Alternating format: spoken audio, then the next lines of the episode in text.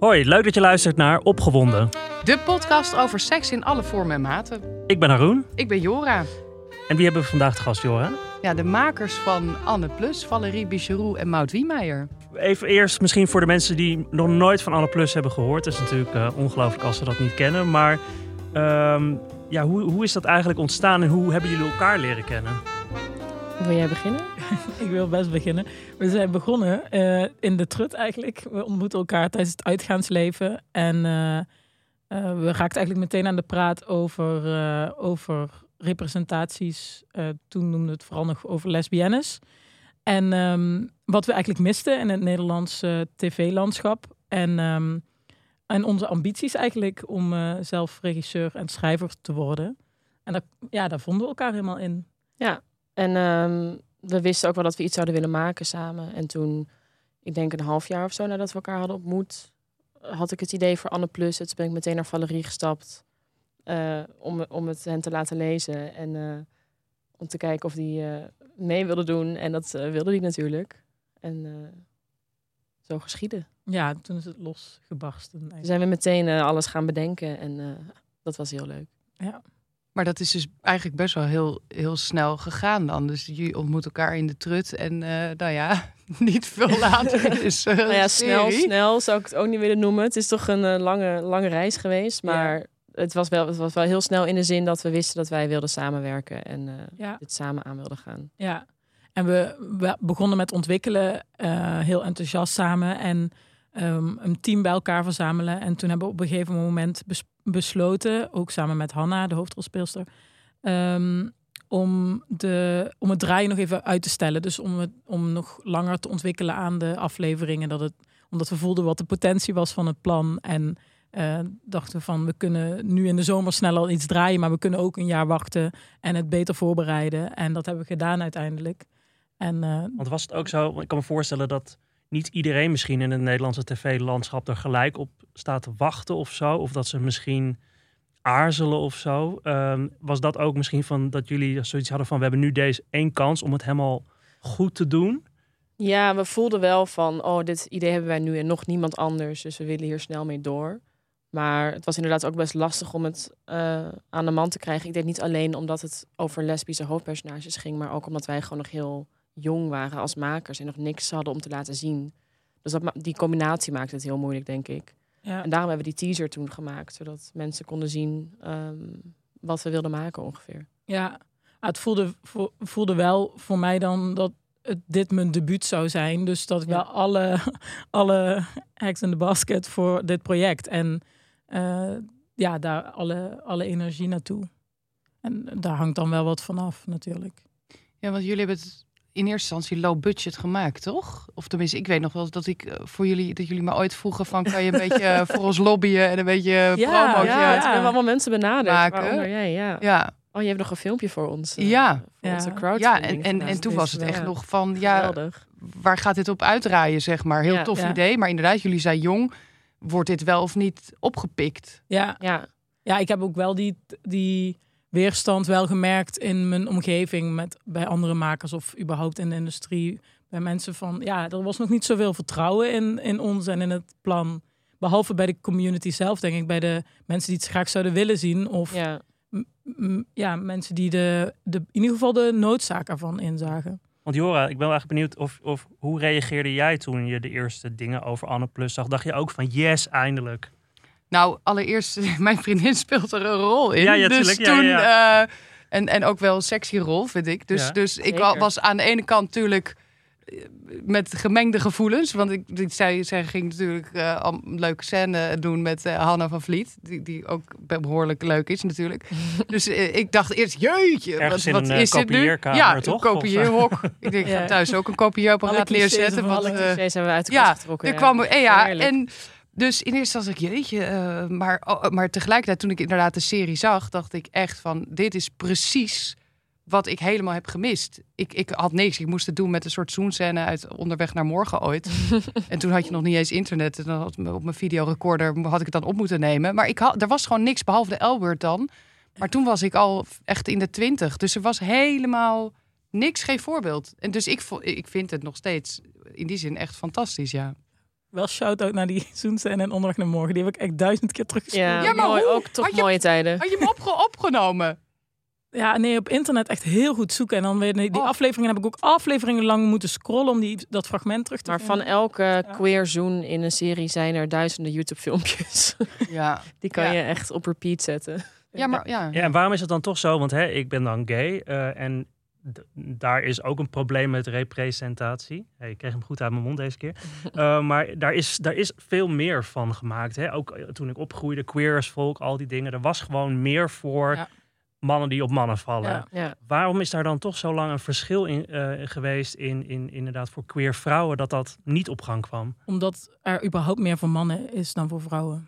In, Dus- de hele, in de hele ja. lagen van de samenleving, denk ik. Ja, in, in de kunstgeschiedenis, in de filmgeschiedenis, in de theatergeschiedenis, in de boekengeschiedenis, in de hele geschiedenis. Het gaat namelijk bij lesbiennes niet om mannen. En dat, is, dat vinden mensen soms nog moeilijk Ja, teren. ja, En ik denk dat dat het simpelste antwoord is erop. ja.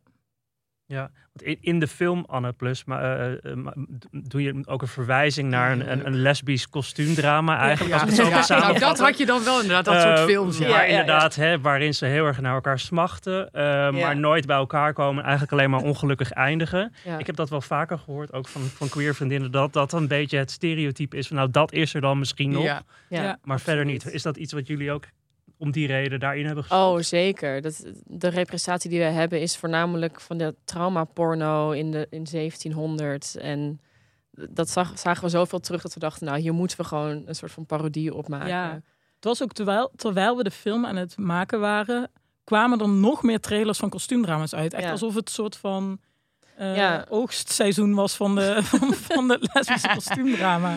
Dus we moesten er even iets mee. We Ja, want ik- even direct een reactie geven of zo. Ja, en ik had er volgens mij gewoon ingeschreven dat Anne en Lily naar de film gingen en dat zij een lesbisch kostuumdrama aan het kijken waren. Ja. Toen hadden Valerine en ik het over. Toen dachten we van, moeten we niet gewoon die trailer gaan draaien en Ja. gewoon zelf een, een kostuumdrama maken. En dat, dat kon en dat was geweldig. En toen hebben we Hadewig en eh Anne Ja, Drijver Ik daarvoor daar gevraagd. Want we dachten, gelachen. het moeten ook twee Ja. soort van knappe hetero vrouwen Ja, zijn. die dat precies. Witte weet je vrouw. Precies, altijd een blonde en een Ja, donkere, die dan een Oscar krijgen. Ja. Ja. Ja. Geweldig. Ja, en wat, wat ik heel fijn ook vind aan de, de serie is ehm, dat er ook ja, echt seksscènes in zitten. Want dat is echt wel wat er ook ontbreekt. Hè? In, eh, ik denk eh, trouwens voor, eh, eh, voor eh, gay mannen ook, toch? Dat je, dat je toch niet, al, ja, vooral in porno dan, maar niet altijd evenveel seksscènes ziet in de reguliere, op reguliere tv, zeg maar. Nee, nee niet, maar wel dus in heel veel queer series gaat het er juist Ja. wel hard aan toe, Ja. inderdaad. Maar inderdaad, vaak in mainstream dingen wordt er, nou, dan kan er nog wel een kusje vanaf. Maar als ze dan eh, onder de lakens gaan, dan wordt de camera weggedraaid, inderdaad. Precies. En inderdaad, bij Anne Plus en ook in de film inderdaad, eh, zitten eh, expliciete seksscènes. Yes. Ehm, Mhm. Was dat ook inderdaad jullie doel? Van nou, wij gaan nu eens even zien hoe het er echt aan, laten zien hoe het er echt aan toe gaat. Ja, het was wel een doel om, het, om te laten zien hoe seks op een eerlijke manier aan toe gaat. Ja, dat wel. Ja, ja. Gewoon authentieke queer seks vonden we wel belangrijk om dat te kunnen laten zien. Ja, ja. Ik denk dat we er ook wel een, een route in hebben gemaakt. Als in de, het eerste seizoen noemen mensen ook al expliciet. Maar het hebben we ook nog best veilig. Ja. vind Ik, het is best Ja. veilig geweest. Maar dat heeft ook de reden gehad dat we het voor YouTube wilden maken. En dat het toegankelijk moest zijn voor iedereen. En ook dat er geen leeftijdsrestrictie restrictie op zou komen. Precies. Dus daarin wilden we ook. En ook, ook nog eens een morele reden dat de acteurs toen nog helemaal niets betaald kregen of helemaal niet zoveel. Dus het was allemaal nog op vrijwillige basis. Dus dan vind ik ook dat je als maker niet zomaar iets zoveel kan vragen van, van mensen. Terwijl niemand nog weet wat er precies uit gaat komen. Dat, dat, ehm, ik snap die kwetsbaarheid daarvan. Dus Ja. ehm, we hebben dat gewoon gaandeweg. Maar we zijn er ook als me- mensen in gegroeid. En eh, eh, ook ja, meer in gaan durven. Eh, als makers, maar ook als acteurs, denk ik. Ja, want in de film zitten echt best wel behoorlijke seksscènes. Waarin ook echt, ja, er wordt echt getongd. Eh, wordt, ja, nee, maar ja, ik bedoel. Ja, Ik weet niet waarom ik moet lachen. ja, ja. Maar inderdaad, in Ja. de film of serie hoef je Nee, natuurlijk maar niet goed, wel. Nee, nee, in principe niet. Ja. Maar da- daar is echt voor gekozen, dan neem ik aan. Maar Mhm. dat, dat vind ik er dus ook weer heel goed aan. Dat je echt ziet wat er gebeurt. Ik denk Ja. dat voor jonge, jonge mensen dat ook heel belangrijk is. Ja, zeker. Ehm, maar er wordt ook echt wel gevreden. Eh, Mhm. hoe, hoe- ja, Valerie, hoe heb je dat aangepakt met die acteurs om ze inderdaad eh, ja, zich veilig te laten voelen om dat te doen? Uh, allereerst heel veel erover praten. En ehm, het fijne was natuurlijk dat uh, Hanna al zo lang bij het project betrokken is. En, en ook zo nauw dat uh, we ook samen creëren. Dus ook samen bespreken wat we eigenlijk willen maken. Dus het idee voor veel explicietere seksscènes kwam ook vanuit ons drieën eigenlijk samen in een gesprek. En um, in het, in het voorbereiden daar naartoe vind, hebben we heel erg de, ja, de acteurs meegenomen in wat we willen maken en waarom.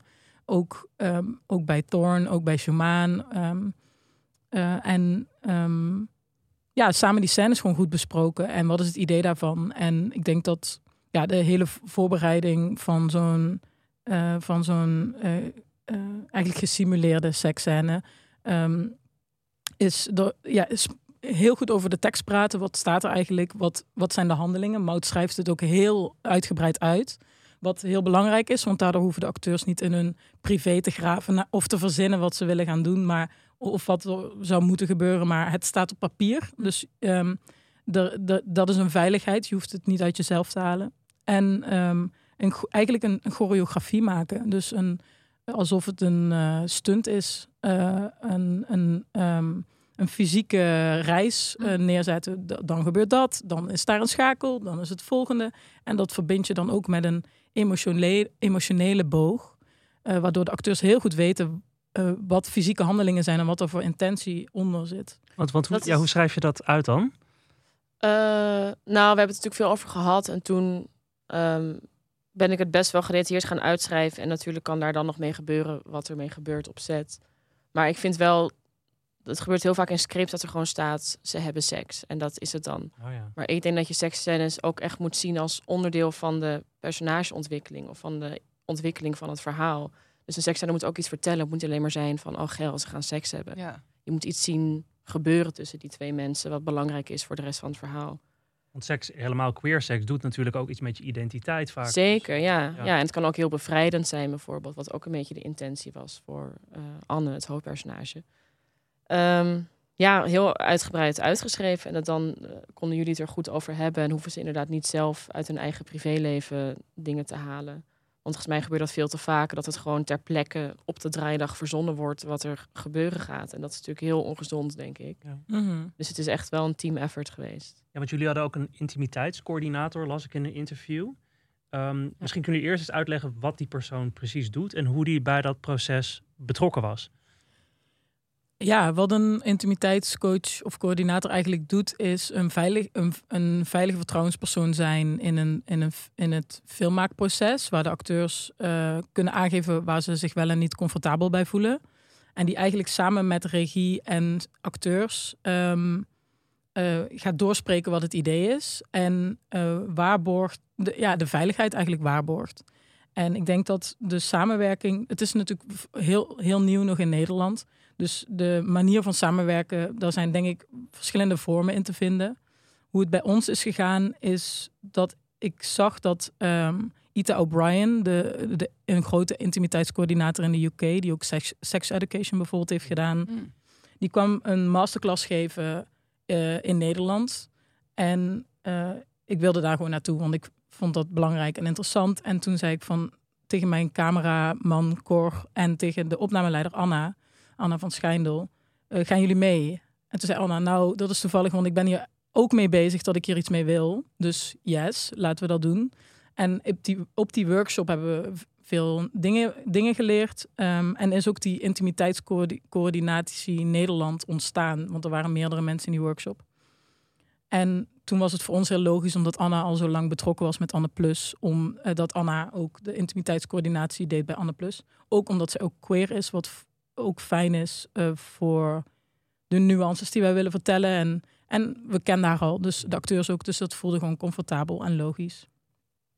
Dus zo is dat eigenlijk ontstaan. En nu is die intimiteitscoördinatie Nederland uh, ja, veel meer uh, voet aan de grond aan het zetten in, ja. in de industrie. En dat, het is ook een verplichting bij bepaalde bij sommige streamers. Dus, Want, want, hoe ziet dat er dan in de praktijk uit? Is, is, is zo'n coach alleen op de set aanwezig of ook al in een eerder stadium betrokken als, als, als jullie bijvoorbeeld dus die seksscènes uitschrijven? Of hoe, ga, hoe, hoe, gaat dat, hoe gaat dat traject eigenlijk?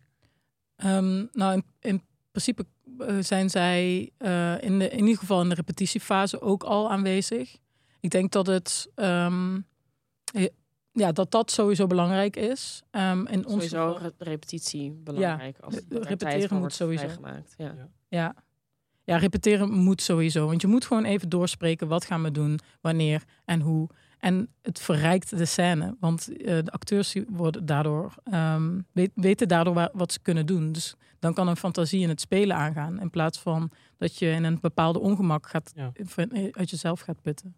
Want kwamen er dan dingen aan het licht tijdens zo'n repetitie van nou, eh, bijvoorbeeld dat Hanna zegt van nou, dit wil ik niet doen. Of, of, of ook misschien in de interactie met andere acteurs van nou, hier voel ik me niet comfortabel bij. Hebben jullie daar voorbeelden van? Ehm, nou, eigenlijk niet, want die zijn dan privé.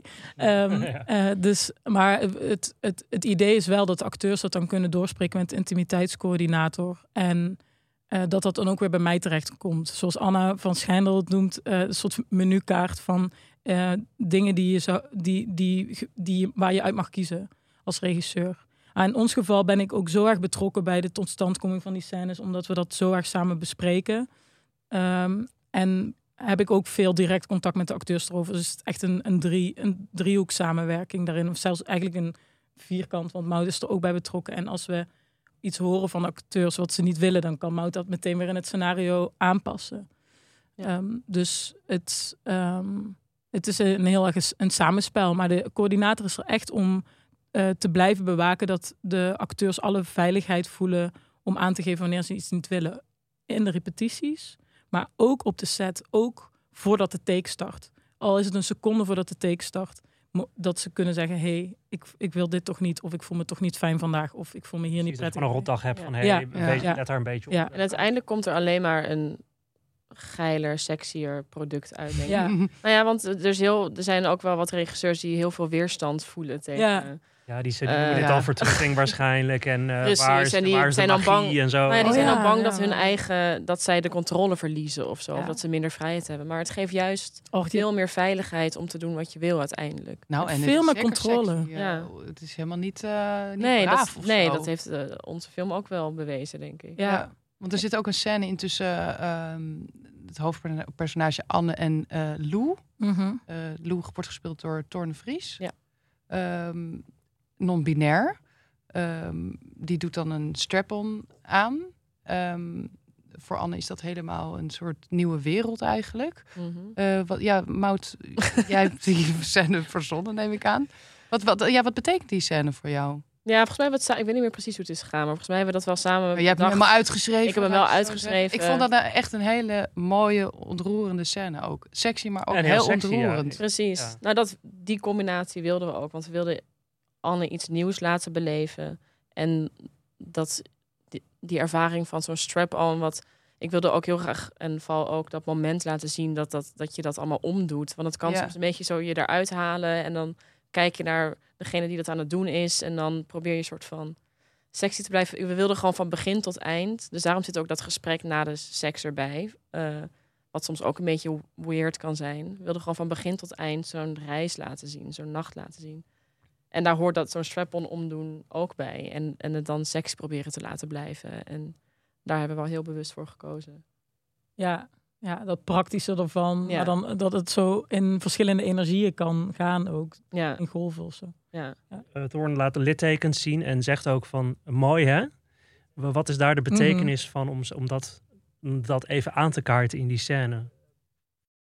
Ja, we vonden het heel belangrijk om dat te laten zien, omdat we zien hoeveel mensen nu bezig zijn met onderzoeken hoe hun lijf eruit ziet en hoe ze zich daarbij voelen. En ehm, er zijn ook best veel mensen die mastectomie doen en eh, dus een borstverwijderende operatie. En ehm, daar komen littekens soms uit, of vaak. En ehm, wilde laten zien dat dat niet erg is, dat dat dan ook omarmd kan worden. En dat, dat, dat daar iets moois in zit. ja. Niet alleen voor de mensen die een operatie hebben gehad, maar überhaupt zijn er natuurlijk mensen die littekens uit het leven hebben. Dus daar is natuurlijk ook een metafoor voor die veel universeler is. Ja. Ja, en uiteindelijk is het voor heel veel mensen ook een belangrijke scène geworden. Ik had dat erin geschreven, maar nog niet aan Thorn verteld. Eh, dus ik was heel benieuwd hoe het zou vallen. Ja, dat daar. Want ik wilde dat er aandacht voor kwam maar niet op een soort van, oh mijn god, die heeft littekens, maar meer een soort van erkenning op een hele mooie en trotse manier. Ja. En gelukkig viel het goed en is het nu eh, heel betekenisvol geworden voor iedereen. En is het gewoon heel mooi geregisseerd. En- ja. Ja, het is, ik, ik- en ik vind dat, dat Thorn dat ook ongelooflijk mooi speelt. Ehm, dat vind ik sowieso knap, ook aan de film en ook aan de serie hoor. Maar dat het, het is zo naturel en daardoor denk ik zo dichtbij. Eh, het komt denk ik voor heel veel mensen daardoor ook heel dichtbij. Omdat het dus zo Ja, naturel is. Zo echt. ja. ja, dat denk ik ook, ja. Want is dat ook misschien een beetje de, de groei van Anne Plus? Inderdaad, hè? je zei in het begin van hè, we willen een, een lesbische se- serie maken. Nu gaat het inderdaad ook veel meer over een non-binaire identiteit of andere identiteiten. Eh Valerie, jij bent zelf ook non-binair. Dus inderdaad, is dat ook misschien jouw invloed daarin? Dat, het, dat, dat je daar ook meer over wil laten gaan? Ik denk dat het een invloed van ons allemaal wel is, omdat we allemaal de wereld gewoon enorm snel zien veranderen. Ehm, en en ook, ook mijn invloed, ja, zeker. Ik bedoel, ik wilde ook heel graag eh, tra- in het tweede seizoen een transman erin. En, en, eh, en, en we hebben, maar we hebben echt samen ook besloten dat we nu een non-binair personage in de film wilden, omdat het ja, heel natuurlijk Ja, kwam eigenlijk. ja nou, het- Anne Plus is zo meegegroeid. Of wij zijn eigenlijk persoonlijk zo meegegroeid met Anne Plus. En Ja. andersom ook. Dat het ook heel logisch voelde om dat uit te breiden. Dat het niet alleen maar meer over lesbiennes ging. En wij zijn ook comfortabeler geworden in onze identiteit. En eh, Ja. dat, dat zie je gewoon terug in, eh, in het verloop van de serie en de film, denk ik. Ja, we gaan zo weer door met ons interview, maar mogen we even kort je aandacht vragen voor onze sponsor. Jullie kennen vast al onze gewaardeerde collega's van de podcast Damn Honey, die uitgroeiden tot een feministisch platform met vele volgers. Na een eerste erotische bundel Damn Horny is er nu een smeug vervolg, Fucking Horny, met nog veel meer sexy stories. En de bundel is samengesteld door Marie-Lotte Hagen en Nidia Vervoorthuizen. De erotische verhalen in Fucking Horny zijn geschreven door uiteenlopende auteurs. Zoals bijvoorbeeld Malou Holshuizen, Ayla Checking Satijn en Daan Borrel. En ze zijn allemaal vanuit zeer verschillende perspectieven ver weg van de male gaze. Ja, het zijn verhalen die opwindend, geil en sexy zijn, maar ook grappig en herkenbaar. Zoals dit verhaal van Malou Holshuizen. Ik lees even een klein stukje voor. Alles leek vanzelf te gaan, alsof ze hier jaren voor geleerd hadden. Joost likte dezelfde plekken op haar lijf. Twee keer in de week voelde ze zijn mond en tong op haar huid. Een hals, een tepel, een lies, een schaamlip, een stukje vel aan de binnenkant van haar vulva. Hij draaide rondjes met zijn tong net iets boven de opening van haar vagina, waarna hij abrupt stopte als zij sneller ging ademen. Dat betekende dat het nu haar tijd was om aan Joost te likken en zuigen. Goed, wil je hier meer over lezen? En dat wil je? Koop dan nu Fucking Horny bij de Betere Boekhandel. En kijk voor meer informatie op damnhoney.nl. Oké, dan gaan we nu verder met onze eigen podcast. Ehm, ja, ik, ik keek dus vroeger de- naar de L-Word. Daar, dat was ook echt een queer-serie. Dat ging echt over heel veel verschillende relatievormen ook. Mhm. Ehm, eh, waar trouwens ook echt een prachtige seksscène in zit. eh, met een transman ehm, en, en eh, zijn vriendin. Ehm, waar, het ook heel expliciet is eigenlijk. Ehm, ik vond dat toen de tijd, dacht ik al, jeetje, best wel opzienbarend. eh, hè? Maar in hoeverre is dat een inspiratie voor jullie geweest, die serie? Of, hebben jullie dat helemaal niet eh, gebruikt? Ja, we hebben het wel, we, tenminste, ik heb het wel gekeken. Maar het is ook denk ik in die zin een inspiratie geweest dat wij iets anders wilden maken. Wat dichter bij ons stond. Want ik was 14, 15 toen ik de Albert keek. Dat allemaal voor succesvolle, knappe mensen in Los Angeles gaat. Die al een carrière hebben. Dus dat stond wat dat betreft ook best wel ver van me af. En ook van Val. Dus ik denk dat, we het, dat het in die zin ook een inspiratie is geweest van... oh ja, dit is er. Wat, wat willen wij anders doen? Hoe willen wij het dichter bij onszelf houden? Maar goed, het is wel een iconische serie natuurlijk. Hebben jullie de, kijken jullie de reboot van de L-Word? Ja, Wat ja. vinden jullie daar dan van? Want dat is ook in het, hè, eh, in het heden, vandaag de dag. Dus dan kan je misschien iets makkelijker vergelijken met wat je zelf doet of juist niet wil doen. Ja, dat vind ik wel fijn dat, eh, dat de hedendaagse versie weer eh, ook weer mee met de tijd is gegaan en qua representatie ook weer eh, eh, breder is. Ehm, en ik vind het ook heel erg leuk om te kijken en ik vind het ook heel belangrijk voor, voor het beeld wat we krijgen van, van verschillende identiteiten. Ik denk dat het voor mij als maker, als ik gewoon heel als kritische maker, dat ik dat dat ja, dat er toch een bepaalde Hollywood polish overheen zit die Ja. Ik persoonlijk als een maker uh, dan jammer vind. Als in, ik waardeer die award in alles wat het is. Mhm. Want dat is ook belangrijk dat, die Holly, dat, we, dat, dat we queer personages ook in een Hollywood setting zien. Mhm. Dat is super belangrijk. Want dan uh, mag je ook meedoen met de grote spelers of zo. Maar de, die eerlijkheid of zo, we, of we zoeken in Anne Plus wel een bepaalde eerlijkheid op en een, en een, en een realisme waar we het net over hebben. Is die, wat, wat bedoel je met die polishes? Dat het iets te soapy is misschien? Of, Ja, eh, Ja, Polijst wel ziet van het de eruit. ja. En Ja. En dat, dat, om er dan toch even terug te komen op waar we het net over hadden, over dat realisme binnen Anne Plus en waarom we dat doen, is ook omdat we in de wereld nog niet genoeg een realistisch beeld hebben van wat gay zijn, lesbisch zijn, non-binair zijn, queer zijn be- betekent. Ja. Wat dat is. Dus die, dat realistische beeld moet nog in de maatschappij gebracht worden. En daarom moest, moet Anne Plus zo, zo enorm realistisch zijn met documentaire draaistijl en Ja. dat het zo Weinig echt mogelijk. Ja, ja, gewoon echt eh Heel glamorous, niet alles heel glamorous. echt laten zien. omdat we de waarheid nog niet hebben gezien. En die waarheid laten jullie nu dus wel zien met die serie en die film. Eh, welke reacties krijgen jullie hierop? Ja, veel. Heel veel. Ja. Maar eigenlijk overweldigende positieve reacties. Ja. wordt ook ons vaak gevraagd of er ook negatieve reacties zijn. Dat was mijn volgende vraag. Ja, Ja. Heeft even wat opgezocht namelijk. Huh? Maar eh, dat vind ik dus heel erg meevallen. Ja. Dat hebben we eigenlijk heel weinig meegemaakt. De- ik denk dat het vooral zit in de hoek van... waarom is dit nog nodig? Er was toch al een lesbische seizoen de GTSD of zo, weet ik veel. Dat is ook wel vaak tegen ons gezegd van... Ja. waarom... Het is altijd de argumenten van hetero mensen is heel vaak van...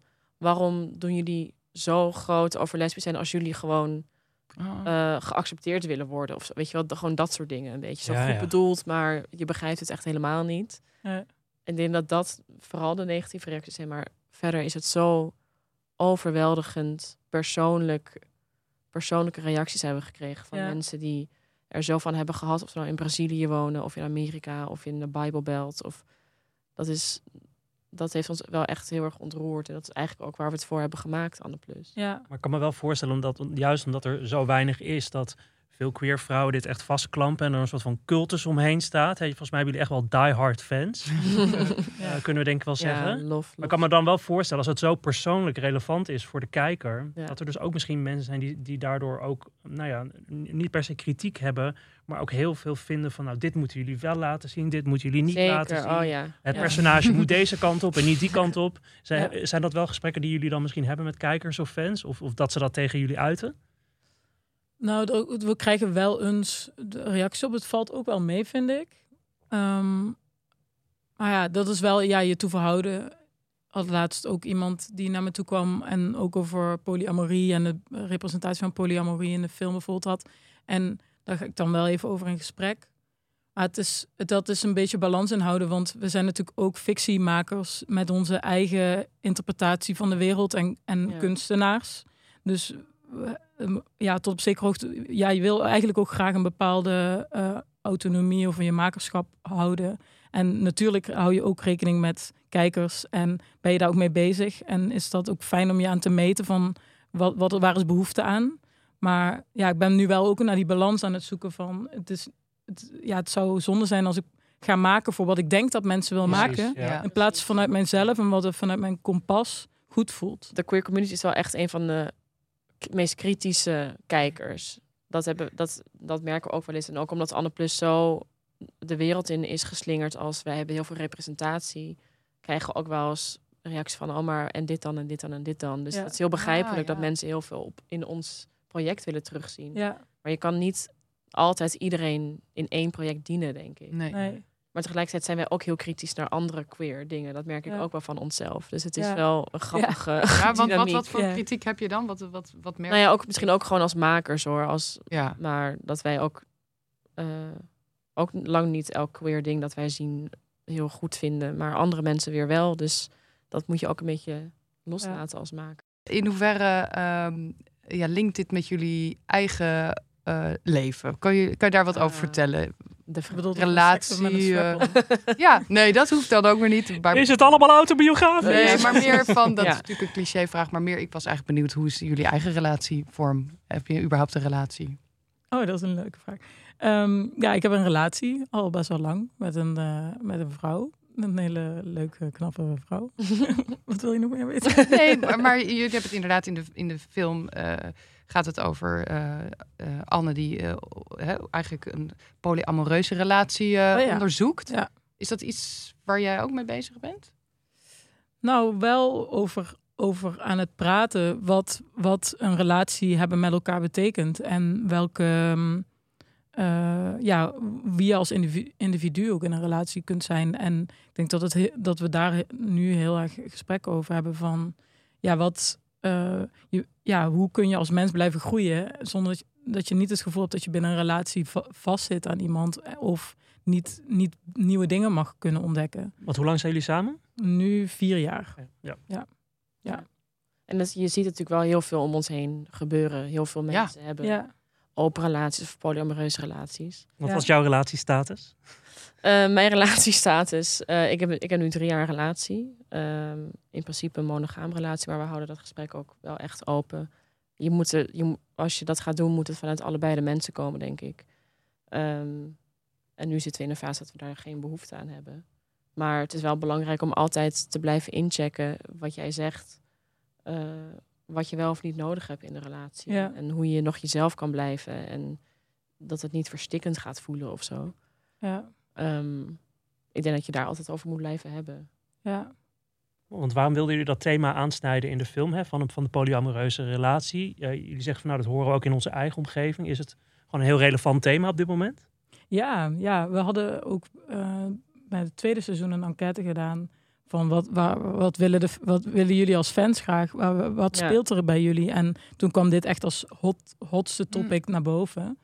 En ehm, ja, dat is grappig dan bijvoorbeeld als het dan over polyamorie gaat. Ik, ik heb geen, nu geen polyamoreuze relatie. eh, denk ik, maar ik bewonder die, die omgangsvorm wel enorm. Eh, ja. ook, ook eigenlijk altijd een enorme fascinatie voor eh, wanneer ik in films driehoeksverhoudingen zie. Of, ehm, eh, dus, dus het is meer een soort onderzoek, denk ik ook, eh, als ik vanuit mezelf praat. En ja. ehm, ja, nu in het echte leven begint het langzamerhand ook te komen dat ik die behoefte ook meer zou voelen om open te kunnen staan, ook voor andere mensen. Of ehm, ja, misschien bepaalde kanten van jezelf. Eigenlijk wat Anne Plus vanaf het begin was. Wie je bent is ten, gaat, is ten opzichte van met wie je bent. Mhm. Dat je als mens bij de ene persoon je weer anders kunt ontwikkelen dan bij de ander. Dus dat die ruimte die je er hebt, wat we eigenlijk in, in de film ook onderzocht hebben. De, eh, Anne kan een heel, is een, eh, gedraagt zich heel anders bij Sarah dan Mm. dat ze bij Lou doet. Ja. Dus er ontstaat een Ja. bepaalde vrijheid door je, je verschillende kanten te kunnen ontdekken bij andere mensen. ja, dus het klopt ook heel erg in wat we wilden vertellen met Anne Plus. En we, Ja, waren er, ja, het, we hebben die gesprekken natuurlijk ook veel. ja, Ik heb ook voor mijn vriendin heb ik ook gedate met iemand die polyamoreus was. Eh, wat heel mooi was en, en interessant. En uiteindelijk Ja. vond ik het te lastig toch om, om, om daar echt voor te gaan. Maar dat is ook een reis geweest. En dat is ook, ja. dat heeft ook wel weer iets getriggerd Ja. of zo. Er zit daar ook een verschil. Ik, ik, even, ik, ik spreek nu even als de homo eh, in de kamer.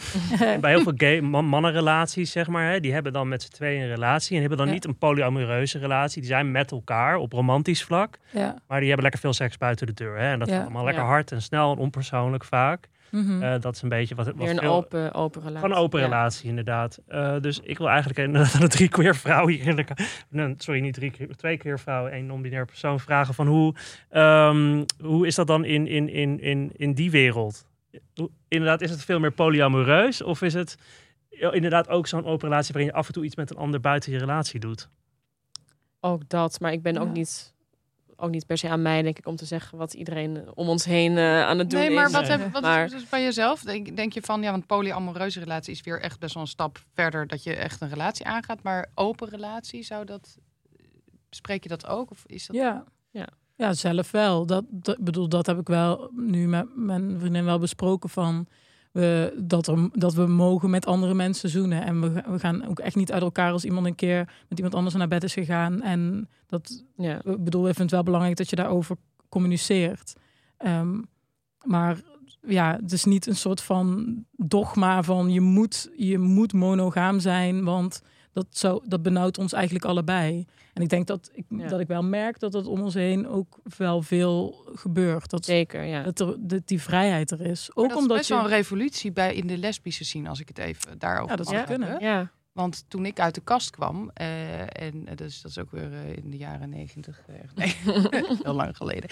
Maar toen was juist in die, eh, in, in, met name in de lesbische scene, was het heel erg zo van, eh, dat vrouwen snel jaloers. Eh, het was eigenlijk bijna echt nat dan. Ook niet om het daarover Mhm. te hebben. Je, je werd eerder sneller een soort van symbiotisch met elkaar. Mhm. ja. Ehm, dat was, be- was best wel een taboe eigenlijk. Ik vind Ja, dat als ik dat nu wel, om me ja. heen zie, denk ik, Ja. ben ik bijna jaloers. Dat ik denk, hé, maar dit had ik twintig jaar geleden misschien ook Het is ook wel. wel iets van de laatste gewild. jaren. Je wilde heel polyamoreuze relatie. Nou, niet per se polyamoreus, Maar maar daar, gaan, daar gaan we eigenlijk naartoe. nee, maar die weg die ik heb bewandeld, zeg maar, in mijn relaties, om tot het punt te komen dat je dat je niet meteen denkt, oh, maar dan maak ik het uit dat jij bij- met iemand Hm. zoet of zo. Dat was Ja. in de tijd dat ik in die scene zat best wel, Ja. was echt zo van, "Ah, die is van Mhm. mij. En dan werden vrouwen ook boos als je al naar een, naar, naar een ander keek, zeg maar. Dat, dat Mhm. was best wel Oh, dat heftig. lijkt me ook wel heftig, ja.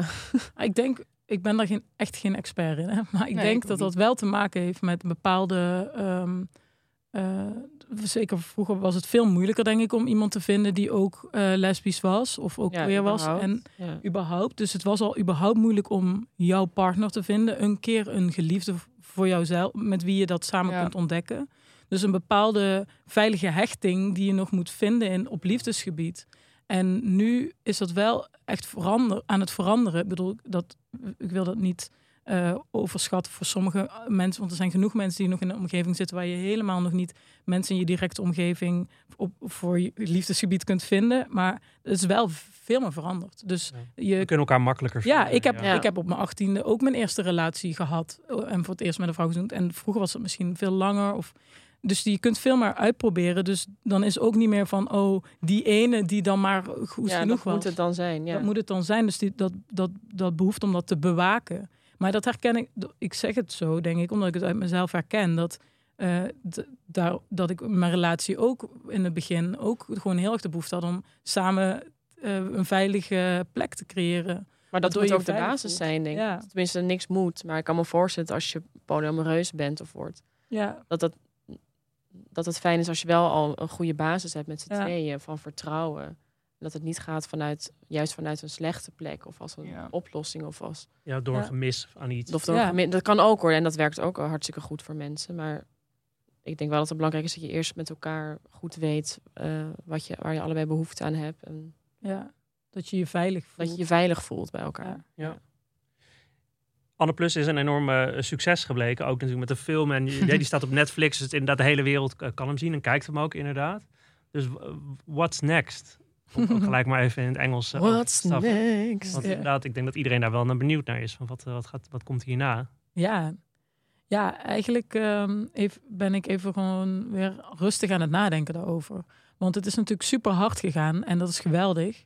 Eh, en het is ook heel hard gegaan. Dus Ja. de, het ren, op een gegeven moment rijdt ook een enorme trein waar je opgesprongen bent als jonge maker. En nu weer echt weer zeven jaar ouder.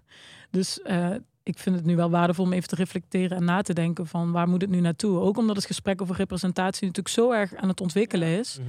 Eh, wil, ja, zou ik het jammer vinden om dan in herhaling te vallen. Of dus ik wil die stap weer vooruit kunnen maken. Maar ja, misschien hoeft het niet een groot spektakel te worden. En wordt het een mooie speelfilm in een bioscoop. Of, maar niet een Ja. enorme wereldwijde release. Misschien wel. Ehm, En ik hoop, ik hoop ook dat dit een beetje de weg vrij heeft gemaakt, ook weer voor andere queermakers om hun verhalen te vertellen. Ja, Eh, en dat ook andere grote producenten, weet je, Mail Street heeft ons destijds op, opgepikt en ons enorm geholpen. En dat hebben we heel erg samen de wereld in kunnen brengen. ja, Maar ik hoop, hoop, hoop nu ook dat het, eh, dat het door gaat trekken en dat, het, dat de streamers en eh, producenten nog veel meer andere jonge queermakers de kans gaat geven om, om hun verhaal te vertellen. ja. Dat het niet zo is van, oh, Anne Plus hebben we al, dus eh, Ja, dat niet meer. Dat zou heel erg averechts eh, werken. Dat zou heel jammer zijn. ja. En natuurlijk spelen deze thema's nu ook bij ons. En ja, zal dat ook allemaal in, op, eh, weer in een volgend werk eh, terechtkomen. Eh, maar het is ook wel een fijn gevoel, denk ik, dat, dat, dat we niet soort van de enige zijn die daarmee bezig hoeven te zijn. Nee. Dat, dat, dat, ja, dat we ons eigen onderzoek ook weer verder kunnen maken. Maar is Anne Plus daarmee een afgesloten hoofdstuk nu? Of, eh, nou, dat weten we nog niet. Ik bedoel, het kan altijd nog een keer een staartje krijgen. Maar ik denk dat we voorlopig even voor nu even... andere focus hebben. Ja. Ja. Maar we hebben daar nog geen eh, officiële persbericht over naar buiten gestuurd? Nee. beslissing, eh, Nee. announcement over gemaakt. Nee, we zijn nog even aan het eh, nadenken waar het naartoe gaat. Ja, aan het eh, verteren. Want als we het hebben inderdaad over thema's uit je eigen leven die misschien inspiratie kunnen geven. Wat zijn dan gesprekken die jullie ook misschien met elkaar hebben van thema's die jullie graag nog zouden willen uitdiepen in een toekomstige serie of film of, of een andere vertelvorm? Waar we het over hebben, Wout. Ja, Of Wat mist er misschien nog, hè? ook als het gaat over verhalen van queer vrouwen? Wat zou een interessant onderwerp zijn om uit te diepen nog? Nou, wat ik, wat ik persoonlijk heel erg heb, is dat ik de. Er gaat nu natuurlijk veel over seksualiteit, maar ik vind het interessant als om meer over, om meer over genderidentiteit ook te vertellen. En hoe je je daarin moet verhouden in een binaire wereld. En Mhm. wat, wat er allemaal in godsnaam bedacht is rondom man zijn en vrouw zijn. Ja. En hoe gecommercialiseerd het allemaal ja, is. ja, ja. Dus dat vind ik dan heel interessant. En, En ook een breder palet. Ook over gender inderdaad. Maar ook als het over lesbische vrouwen gaat. Er worden, dat hebben wij ook eh, eh, zeker ook gedaan. Maar het is heel veel vrouwelijk. En, Ja. en femme presenting. En het zou zo fijn zijn als er gewoon wat butch representatie zou komen. En dat het ook over expressie gaat, denk Ja. ik. En wij zijn Gezins, gezinsvormen? gezinsvormen, Ja. inderdaad, precies. Ik bedoel, wij zijn, wij zijn voorlopig nog niet uitverteld. Nee. En. Er gaan nog heel veel dingen komen. En wij groeien als personen en makers ook steeds verder. Dus dat, ook als je het over gezinsvorming hebt, dat zal misschien ook wel komen wanneer Ja. wij daar mee bezig gaan. ja. Ehm, maar wij zijn in ieder geval nog niet uit, Ja, uitgemaakt. want hoe is na al die jaren de relatie tussen jullie? Hoe- want- Ja. ja, als makers ook met elkaar. Het, als je Ja. als, als duo's, als partners daarin werkt, kan ik me ook voorstellen dat die relatie verandert. ja Dat je zeker. ook niet meer dezelfde persoon was dan toen je elkaar leerde kennen. Dus Nee, hoe, eh, zeker. zit dat nog goed? Inderdaad, willen jullie nog tweeën dingen blijven maken? Ja, we willen Ja, zeker, dingen maken samen. Ja, ja, ja. Ja. ja. Ja, en, dat is, en als je eenmaal weet, als je eenmaal iemand gevonden hebt met wie je gewoon goed en fijn samenwerkt. En waar persoonlijk ook heel goed samengaan met het creatieve.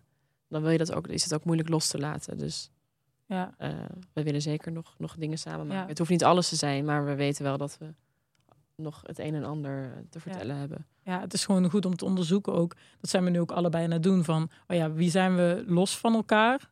En wie- zijn we ook alweer, wie zijn we met elkaar? En Ja. dat, we hebben dat zo lang natuurlijk samen gedaan. Dus, Precies. dus ook even ons, onszelf als mens en maker weer opnieuw. eh, Ja, kijk, wat waren ook alweer de kwaliteiten en de, Ja.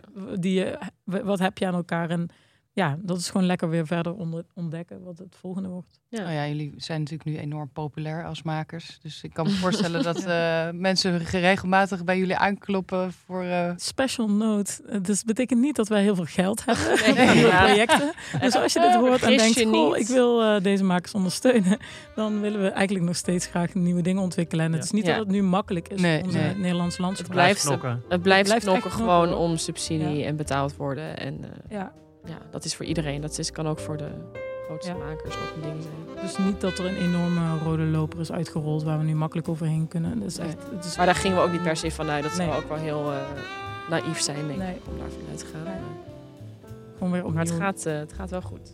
Ja, wij zijn heel benieuwd wat jullie in de toekomst gaan doen. Ja. Eh, solo en samen.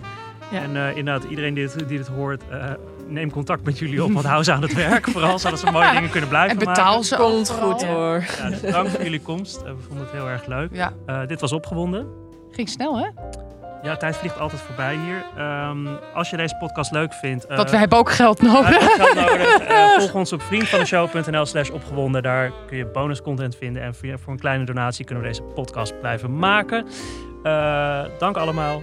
Dank Jora. En tot de volgende keer. Nou, tot de volgende keer. Doei.